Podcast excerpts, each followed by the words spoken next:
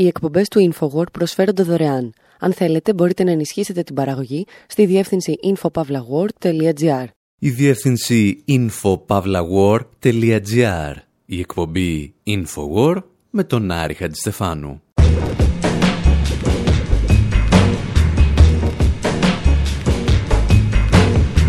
όπου σήμερα φοράμε μια κόκκινη στολή και την μάσκα του Νταλή και μπουκάρουμε στο πλησιέστερο νομισματοκοπείο. Παραθέτουμε μερικές πολιτικές σκέψεις για την τηλεοπτική σειρά Casa de Papel, καθώς προετοιμαζόμαστε για τον τρίτο κύκλο της. Αναρωτιόμαστε γιατί διάφοροι ληστές μετατράπηκαν σε ήρωες στο πέρασμα της ιστορίας και γιατί ο αμερικανικός και ευρωπαϊκός κινηματογράφος πουλάνε επανάσταση σε τακτά χρονικά διαστήματα.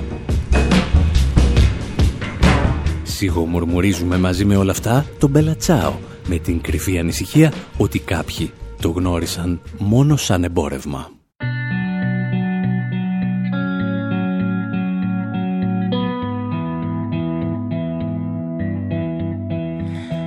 stay with you if I'm choosing wrong. I don't care at all.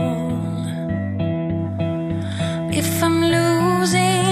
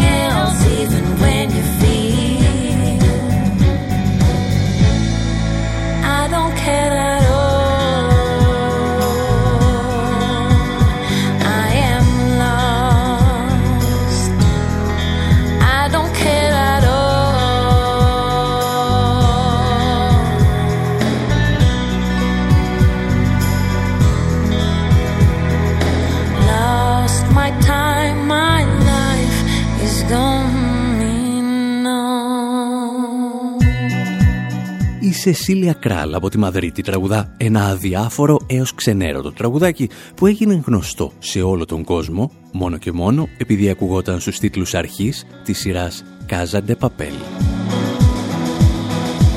Ενώ δηλαδή όλοι θα έπρεπε να ακούμε μόνο τους τίτλους τέλους.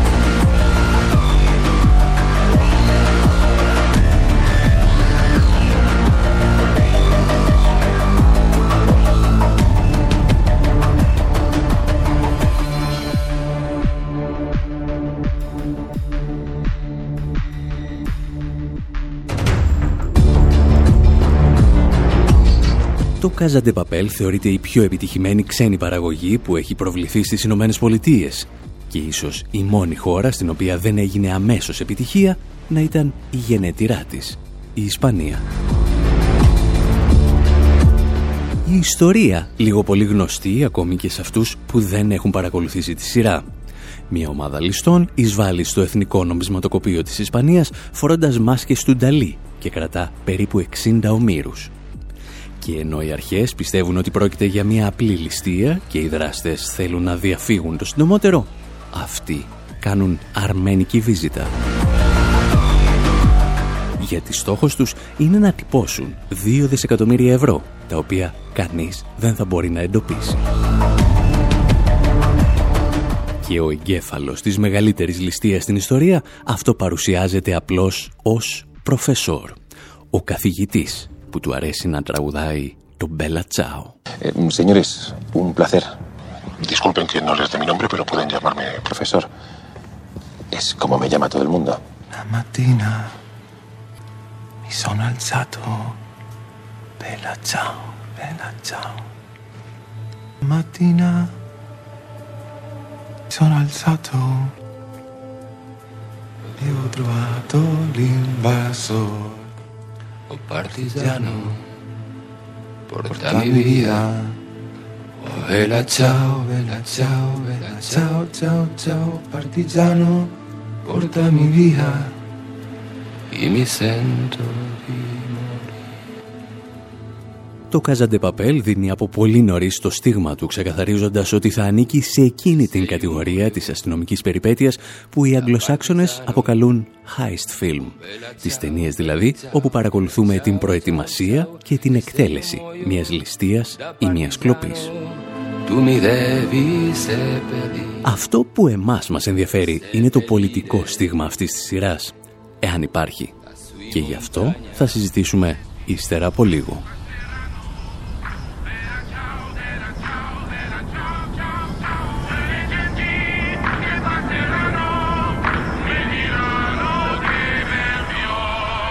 Le genti passeranno. Oh bella ciao, bella ciao, bella ciao, ciao, ciao. E le genti che passeranno mi diranno che bel fiore. Je veux nager sur une tonne de billets, m'endormir sur des liasses de 50. On avait dit on tire sur personne, on avait dit pas une goutte de sang. Pas de papier y a pas, bah le mal t'appelle. Une équipe de 8, un gros paquet d'oseille. Tout est bien ficelé, mais tu montes sur un coup avec des gens que tu connais à peine. Merde, professeur, faut qu'on fasse, j'ai des projets. Moi la rue m'a mis des feintes et des crochets. Je fais le cas, tu sais que je paye une baraque à ma remet. Heureusement qu'on vise la casse à des papels. On était si bien, rappelle-toi. Mais on voulait manger plus. En plus, tout le monde a déjà fait du car plat au milieu des rouleaux. La pression faut plus. Ici pour prendre des tubes, pas ici pour perdre. Quand siffle les balles, le plan devient confus. Et là, tu comprends vite que tu peux tout perdre. Donc faut pas lâcher, montrer que t'en as dans le fut. Quitte à se faire des bobos. J'appelle une équipe de buzzers. Et je reviens en cross comme Tokyo.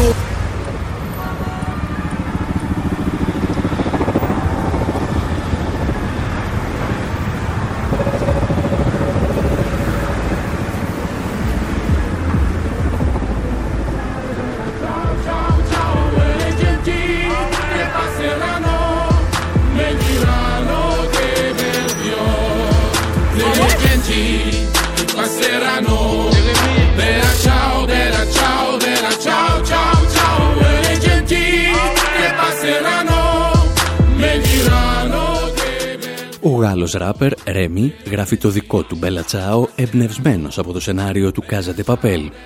Περιγράφει τους οχτώ δράστες της εισβολής στο νομισματοκοπείο και την βασική εντολή που τους είχε δώσει ο καθηγητής. Να μην υπάρχουν θύματα μεταξύ των ομήρων, γιατί μόνο με αυτόν τον τρόπο θα κερδίσουν την κοινή γνώμη. Το γιατί ένας ληστής θέλει ή αν μπορεί να κερδίσει την κοινή γνώμη θα το συζητήσουμε και στη συνέχεια της εκπομπής. Γιατί τους πρώτους που κέρδισε η σειρά ήταν μερικούς πραγματικούς ληστές.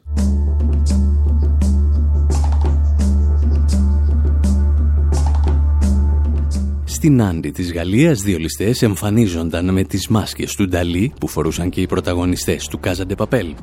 Μόνο που αυτούς στην Άντι τους μάζεψε η αστυνομία ύστερα από δύο μόνο επιθέσεις. Η πιο αστεία ή γελία όμως ιστορία εξελίχθηκε στην Τουρκία. Όπως συμβαίνει πάντα σε αυτές τις περιπτώσεις, ο καθένας άρχισε να λέει το μακρύ του και το κοντό του για την τηλεοπτική σειρά. Και χωρίς αμφιβολία, το πιο μακρύ, ή αν προτιμάτε το πιο κοντό, το είπε ο Τούρκος αναλυτής ο Μέρ Τουράν. Ο Τουράν παρακολούθησε στην τηλεόραση το ειδικό τρέιλερ που γυρίστηκε αποκλειστικά για το τουρκικό κοινό.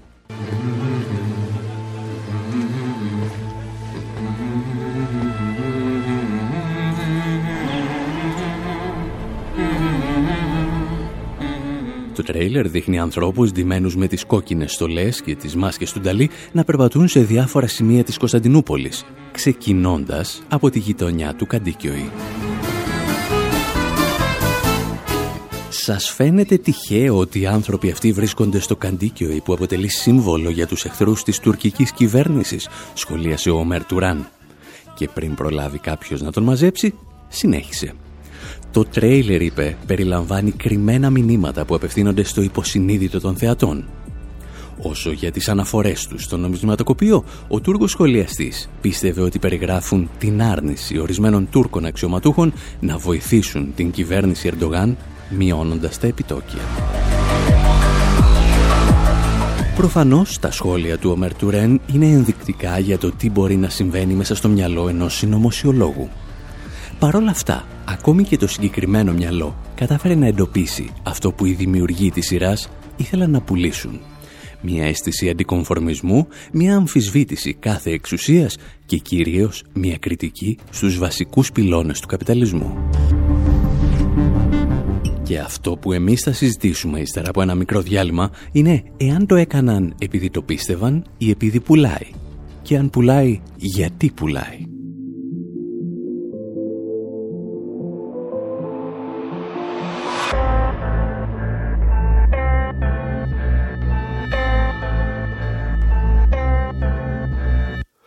Wenn ich will, zwei Wobecker Parwut. Mach nicht auf Angel mit Henna-Tattoo. Damals schwarz war mit Bambratan, heute lenk ich Benzer und Sand raucht am Fenster Saruch. Guck wie die Tokarev ballert. Refugee Mohammed Salah. Sie schieben sich Film auf ein Gramm, aber mach nicht auf Esco mit Kokain Chara. Fick die Scharmut, ich mach nicht auf Romeo. Sie will mich beklauen, als wäre sie Tokio. Wir stimmen rein in das Haus des Geldes. Und geht es schief, flow ich im Bau wie Elvis? High Definition wie Vektor. Stürm mit dem Brattern sein Sektor. Juri Luciano, Digital Drama Professor. Kabul Bratella, ich mach Gangster Sound. Bratans aus Favelas. Hashtag Bella Ciao. La Casa de Papel, das Mafia-Kartell. Ein Jahut, ein Ruski und ein Halb-Afghaner zählen das Geld. La Casa de Papel, Militia wie ein Skalpell. Kabul, Moskau, Tel Aviv, doch nicht im Straftrag in Handschellen, denn ich sag Ciao, Bella, Ciao, Bella, Ciao, Ciao, Ciao. Ciao, Bella, Ciao, Bella, Ciao, Ciao, Ciao. Ciao, Bella, Ciao, Bella, Ciao, Ciao, Ciao. Ciao, Bella, Ciao, Bella, Ciao, Ciao, Ciao. Ο κύριος που ακούτε ονομάζεται Γιούρι και μάλλον δεν καταλαβαίνετε τι λέει γιατί είναι γερμανόφωνος ρωσοαφγανός ράπερ που ζει στο Κάσελ της Γερμανίας. Οπότε μάλλον τον καταλαβαίνουν μόνο οι υπόλοιποι γερμανόφωνοι ρωσοαφγανοί ράπερ. Το βέβαιο είναι ότι τραγουδά και αυτός για τους ήρωες του Κάζαντε Παπέλ, αναμειγνύοντας και προσωπικές ιστορίες από τη Ρωσία και το Αφγανιστάν. Εμείς πάλι είμαστε η εκπομπή Infowar με τον Άρη Χατζηστεφάνου στο μικρόφωνο να αναρωτιέται αν υπάρχει κάτι το πολιτικό στη διεθνή επιτυχία της συγκεκριμένης τηλεοπτικής σειράς.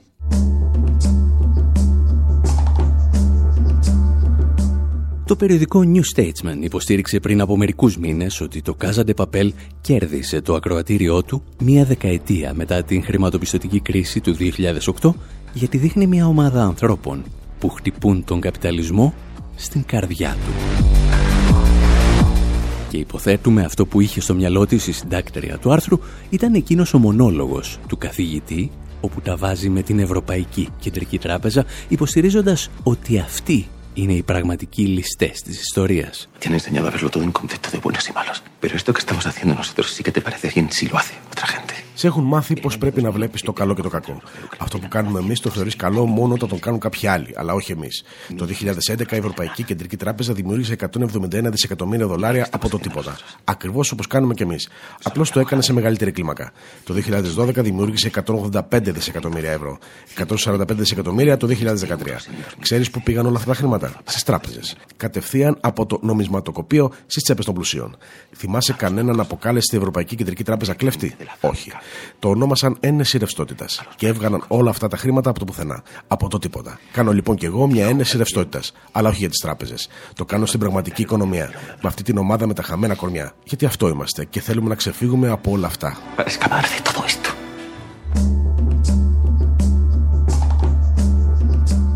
Η αλήθεια είναι ότι η συγκεκριμένη εξήγηση για τις συνεχείς ενέσεις ρευστότητας είναι ελαφρώς απλουστευτική.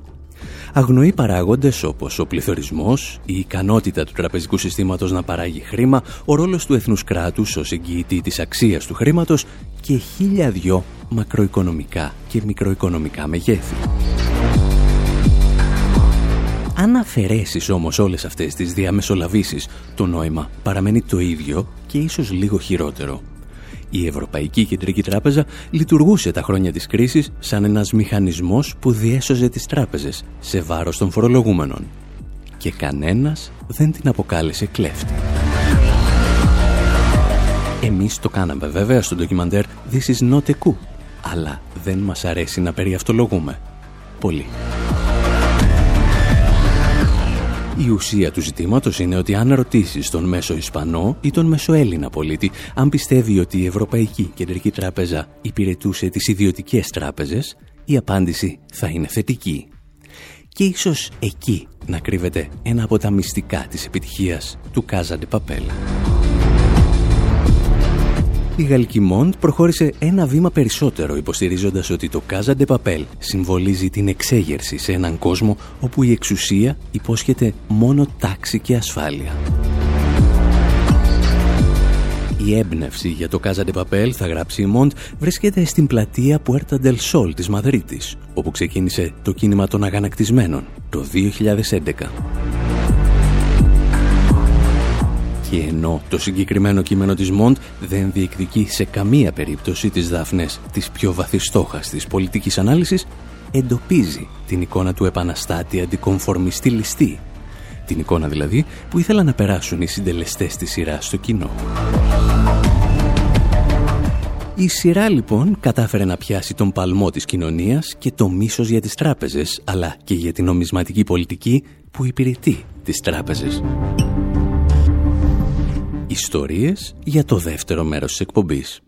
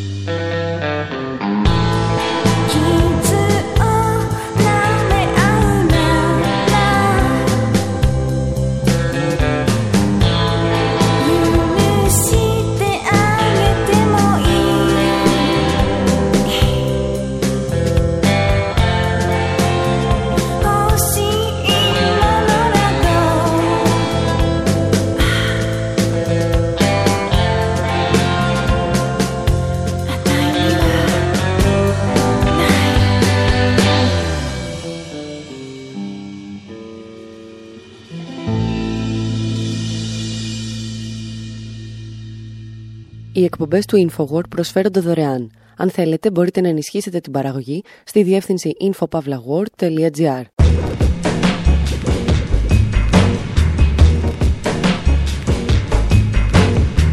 Εκπομπή InfoWord, μέρος δεύτερο.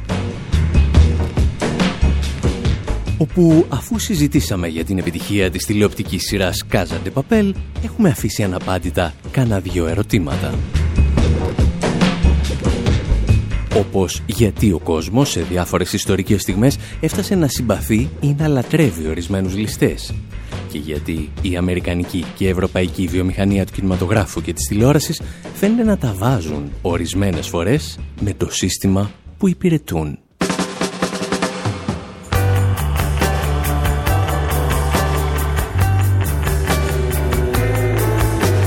Έχουμε επιστρέψει στο 1980 και σε ένα μουσικό στούντιο κάπου στο Λονδίνο μια παρέα punk μουσικών με επιρροές από την Τζαμάικα τραγουδούν Daddy was a bank robber. Ο μπαμπάς ήταν ληστής τραπεζών λοιπόν, αλλά ποτέ δεν πείραξε κανέναν. Απλώς του άρεσε να ζει έτσι και να κλέβει τα λεφτά σας. Το να περάσεις τη ζωή σου υπηρετώντας μία μηχανή, τραγουδούσε ο Τζο Στράμερ, είναι χειρότερο από το να καταλήξεις στη φυλακή. Κάποιοι είναι πλούσιοι και κάποιοι φτωχοί, λέει ο Στράμερ, αλλά το να κάτσεις σε μία γωνία και να κλαις τη μοίρα σου δεν έχει κανένα νόημα.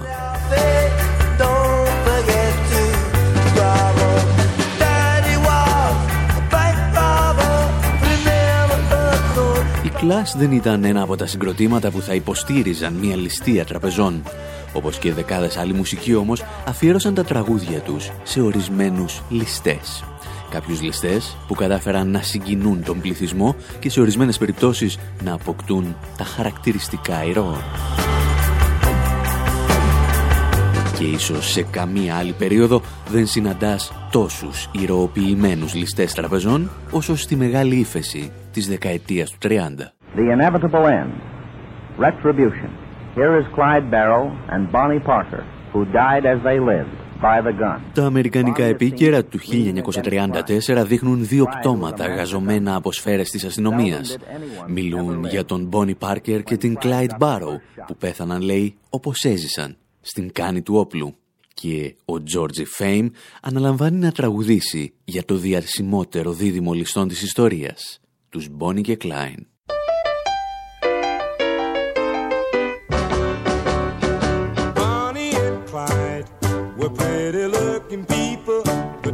Can tell you people they were the devil's children. Bonnie and Clyde began their evil doing one lazy afternoon down Savannah way. They robbed a store and hightailed out of that town. Got clean away in a stolen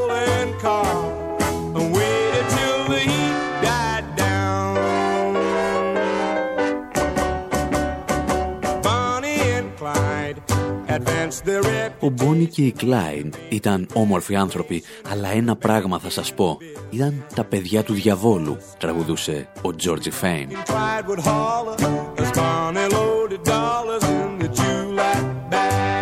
Από το 1934 έως σήμερα δεκάδες ακαδημαϊκοί θα προσπαθήσουν να εξηγήσουν τη γοητεία που ασκούσαν ο Μπόνι και η Κλάιντ. Ο ιστορικός Ερ Μίλνερ υποστηρίζει ότι το δίδυμο των ληστών αποτελεί το απόλυτο outsider ενός συστήματος που καταδίκαζε τους ανθρώπους στην ανεργία και στην φτώχεια. Σε μια εποχή, συνέχιζε ο Μίλνερ, όπου οι τράπεζες έπαιρναν τα σπίτια και τα αγροκτήματα των φτωχότερων Αμερικανών, ο Μπόνι και η Κλάιντ εμφανίζονταν σαν ήρωες της κοινωνίας. Από την άλλη, για τον ακαδημαϊκό David Harvey, η ηρωοποίηση του διδήμου των ληστών αποτελεί μια μορφή λαϊκισμού μια εύκολη λύση σε ένα πρόβλημα που δεν λύνεται με ληστείες, ακόμη και αν τις ανομάσεις απαλωτρίωση. Freeze! I'm Ma Baker. Put your hands in the air. Give me all your money. Yes, is the story of my Baker, the meanest cat from old Chicago town.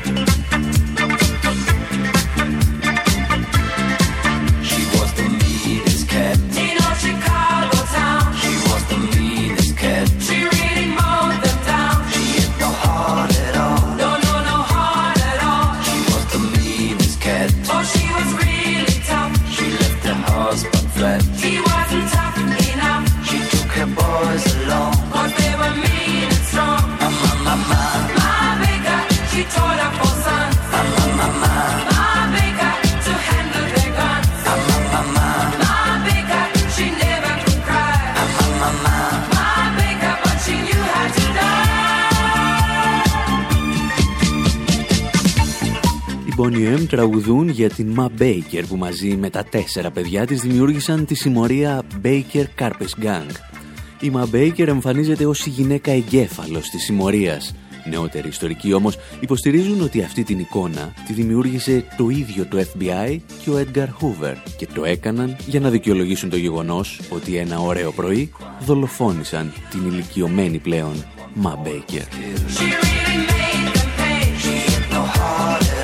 Η Αμερική του 20ου αιώνα μπορεί να αναζητούσε λοιπόν οι ήρωες σε ληστές τραπεζών με μια ελαφρώς απλουστευτική προσέγγιση. Δεν έλειπαν όμως και οι πιο σοβαρές αναλύσεις εναντίον πάντα του ίδιου του τραπεζικού συστήματος. Ο Τόμας Τζέφερσον λόγου χάρη είχε χαρακτηρίσει τις τράπεζες πιο επικίνδυνες για τις ελευθερίες του ατόμου ακόμη και από έναν ετοιμοπόλεμο στρατό. Ακόμη και ο τραπεζίτης Άμσελ Ρότσιλτ όμως έλεγε «Αφήστε με να έχω τον έλεγχο του χρήματος ενός έθνους και δεν με ενδιαφέρει ποιος φτιάχνει τους νόμους». Και οι σκέψεις αυτές μας φέρνουν σε μια εξαιρετική ανάλυση που διαβάσαμε πριν από μερικά χρόνια από τον καθηγητή του Παντίου Πανεπιστημίου Γιώργο Ρούση. Στις ημέρες μας σημείωνε ο Έλληνας καθηγητής δεν είναι λίγοι αυτοί που αντιμετωπίζουν τις τράπεζες ως πιο σημαντικούς εγκληματίες από εκείνους που τις ληστεύουν. Και αυτό, σημειώνει ο Γιώργος Ρούσης, αποτελεί ένα είδος κοινού περιδικαίου αισθήματος.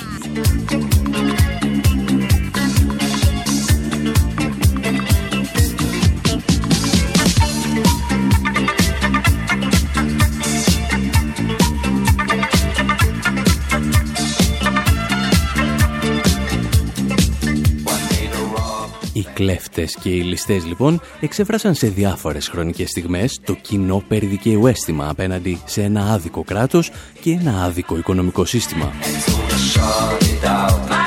Γεγονός που εξηγεί εν μέρη και την αποθέωσή τους σε σειρά ταινιών από τη δεκαετία του 40 και μετά.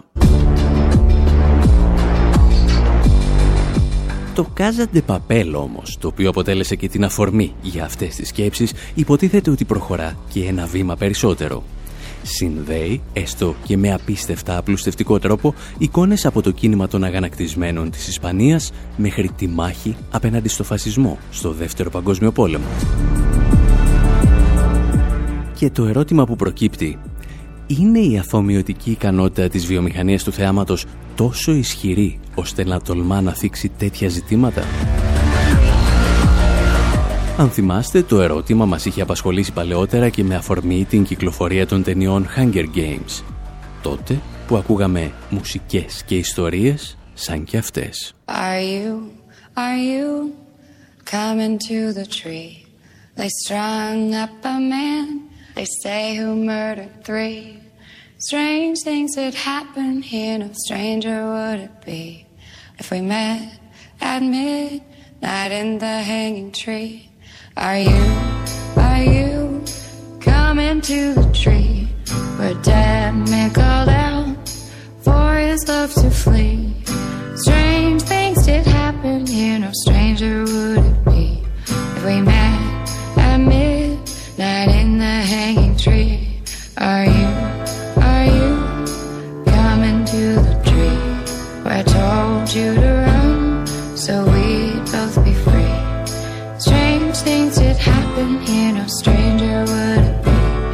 every man.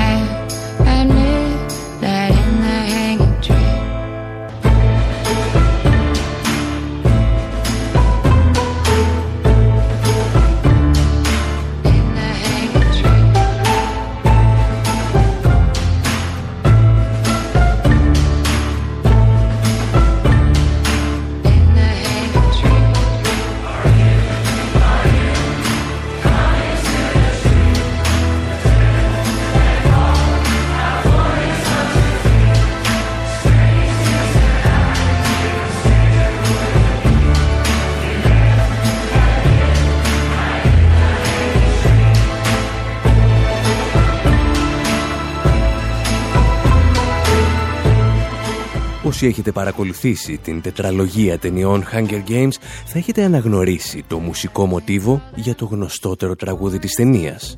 Μια χολιγουντιανή δημιουργία παράγει πάντα και τα σχετικά απόνερα, είτε πρόκειται για μουσική, είτε για t-shirt με τις φάτσες των πρωταγωνιστών.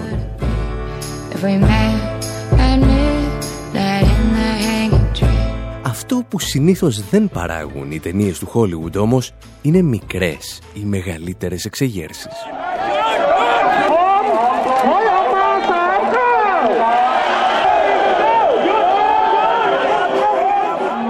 Αυτό ακριβώς συνέβη όμως στην Ταϊλάνδη.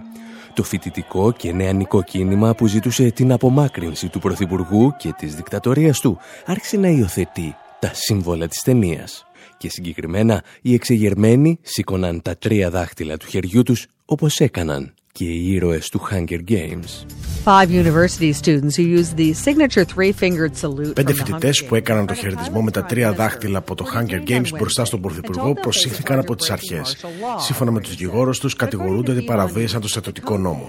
Οι ίδιοι υποστήριξαν ότι οι φοιτητές οδηγήθηκαν σε καταστάσεις του στρατού, αλλά αρνήθηκαν να υπογράψουν δήλωση κοινωνικών φρονημάτων που θα τους ανάγκαζε να απέχουν από πολιτικές εκδηλώσεις στο μέλλον. Η Χούτα της Ταϊλάνδης απάντησε στο κλίμα αναταραχής επιβάλλοντας σκληρότερα μέτρα για την επιβολή της τάξης και τον τερματισμό της κρίσης.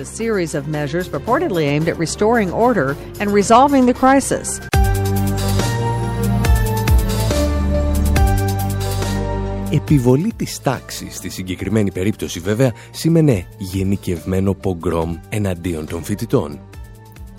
Ήταν μάλιστα η στιγμή που ο δικτάτορας Παύλα Πρωθυπουργός της Ταϊλάνδης Πραγιούθ Τσανότσα αναφώνησε γελώντας «Να δω τώρα ποιος άλλος θα διαμαρτυρηθεί.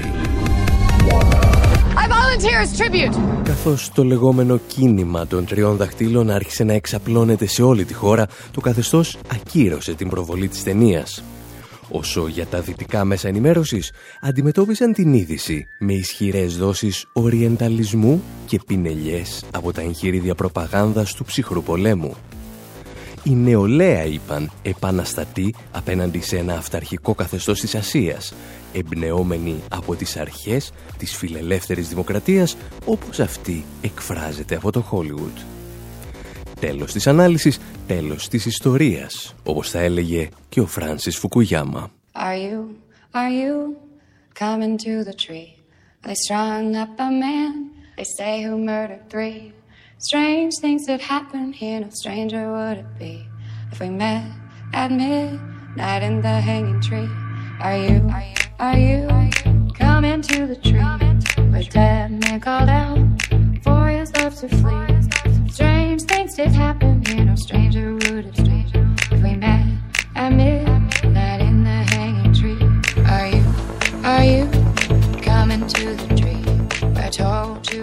Αυτό που ξεχνούσαν βέβαια να σημειώσουν τα δυτικά μέσα ενημέρωσης είναι ότι η Χούντα της Ταϊλάνδης κατέλαβε την εξουσία με την ανοχή των Ηνωμένων Πολιτειών. Ο Πρωθυπουργός Παύλα Δικτάτορας μάλιστα εφάρμοζε πολιτικές λιτότητας και ιδιωτικοποιήσεων οι οποίες εκπονούνταν από ένα συμβούλιο σοφών το οποίο αποτελεί το από χρηματιστές και στελέχη μεγάλων επιχειρήσεων.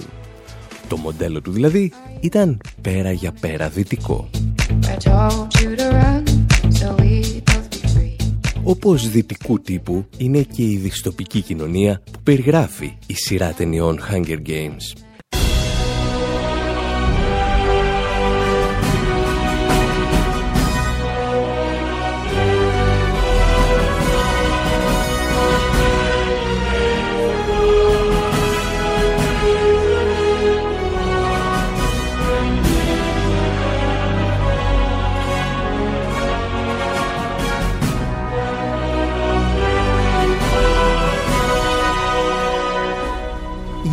Ιστορία μας, εάν δεν έχετε παρακολουθήσει καμία από τις ταινίες, διαδραματίζεται σε άγνωστο μελλοντικό χρόνο, σε μια διστοπική χώρα που ακούει στο όνομα Panem, από το λατινικό Panem et circensis, δηλαδή άρτων και θεάματα.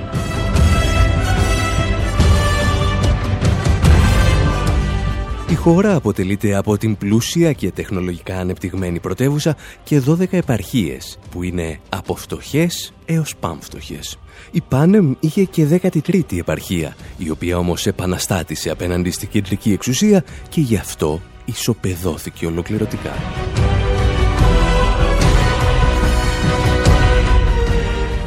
Ως υπενθύμηση σε αυτήν την κατάσταση, το καθεστώς δημιουργεί τα λεγόμενα Hunger Games, στα οποία συμμετέχουν δύο νέοι από κάθε επαρχία. Οι νικητές κερδίζουν καταρχήν τη ζωή τους, αλλά και το φαγητό που χρειάζεται η επαρχία τους για να επιβιώσει. Now, the time has come for us to select one courageous young man and Και όπως εξηγούσε και ο απόλυτος ηγεμόνας της Πάνεμ, αυτό που τον διαχωρίζει από τα υπόλοιπα αυταρχικά καθεστώτα είναι ότι για να κυριαρχεί δεν χρησιμοποιεί μόνο τον φόβο, αλλά και την ελπίδα. Why do you think we have a winner? I mean, if we just wanted to intimidate the districts, why not? Γιατί πιστεύεις ότι έχουμε νικητή στα παιχνίδια; Εάν θέλουμε απλώς να τομοκρατήσουμε τις επαρχίες, γιατί να μην επιλέγαμε απλώς 24 άτομα και να τα εκτελούσαμε αμέσως; Θα ήταν και πολύ πιο γρήγορο. Η απάντηση είναι η ελπίδα. Είναι το μοναδικό πράγμα που μπορεί να νικήσει το φόβο. Λίγη ελπίδα είναι αποτελεσματική. Πολλή ελπίδα είναι επικίνδυνη. A little hope is effective.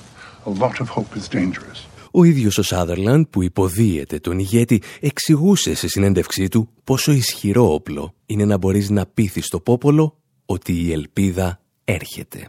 And he wrote them about administering an oligarchy of the privileged.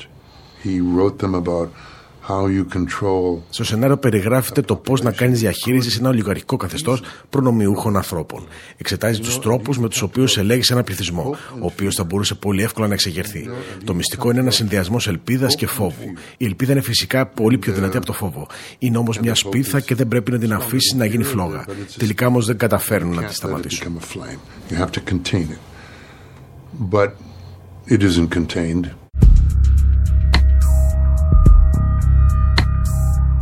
Η ισορροπία λοιπόν του φόβου και της ελπίδας που έρχεται λειτουργεί ικανοποιητικά μέχρι σε ενός σημείου. Και αυτό που η ταινία δεν διστάζει να πει είναι ότι η σύγκρουση που ακολουθεί είναι πέρα για πέρα ταξική. Η εξαθλειωμένη περιφέρεια στρέφεται εναντίον του εύπορου κέντρου.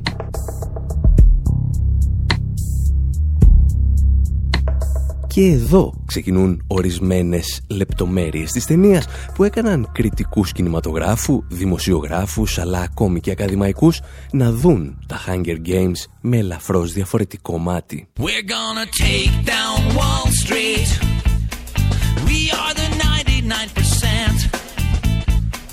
We're gonna take down Wall Street. We are the 99%. Το γεγονός ότι η πρώτη ταινία της σειράς κυκλοφορεί λίγο μετά το κίνημα του Occupy Wall Street στις Ηνωμένες Πολιτείες προκαλεί αναπόδραστες συνδέσεις και συνειρμούς. An uprising that can lead to revolution. Ίσως τα λόγια του Σάδερλαντ να εξηγούν καλύτερα από χιλιάδες αναλύσεις το πώς αντιλαμβάνεται η βιομηχανία του θεάματος ορισμένες ταινίες που υμνούν τον αντικομφορμισμό και την εξέγερση. Όπως και στο Hunger Games, ο ηγέτης ανταποκρίνεται στις πιέσεις του πόπολου και του δίνει ακριβώς όση δράση και όση ελπίδα χρειάζεται. Ούτε λιγότερο, ούτε περισσότερο. Γιατί η λίγη ελπίδα οδηγεί σε εξεγέρσεις και η πολλή ελπίδα οδηγεί σε επαναστάσεις. Εμείς όμως κάπου εδώ λέμε να σας αφήσουμε και για αυτή την εβδομάδα. Από τον Άρη Χατζηστεφάνου στο μικρόφωνο και τον Δημήτρη Σταθόπουλο στην τεχνική επιμέλεια, γεια σας και χαρά σας.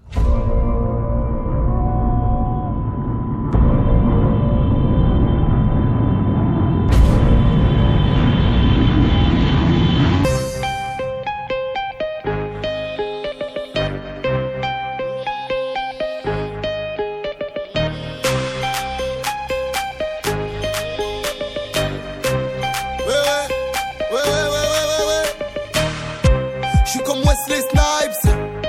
Tout le monde snap. Sur toi, y'a le sniper. Je te brise la chatte. À l'hôtel, je la en quatre. Elle est bonne comme Bianca. Des envies de la mettre à quatre pattes. Y'a de la frappe chez nous en cas. Faire le blanc comme Goku. Coup de machakou, je vais faire cracher les douilles. On est beaucoup, mais en cas d'embrouille, y'a très peu qu'on les couilles. Wesh, mon gars, il m'en faut peu pour que je perde mon calme. Au feu rouge, on fait la totale. Tu veux gagner la guerre, ne pas les batailles. Pas des hackers. On n'aime pas la hackra. On n'est pas des racailles. Et si on dit que ta mère, ça fait pas tout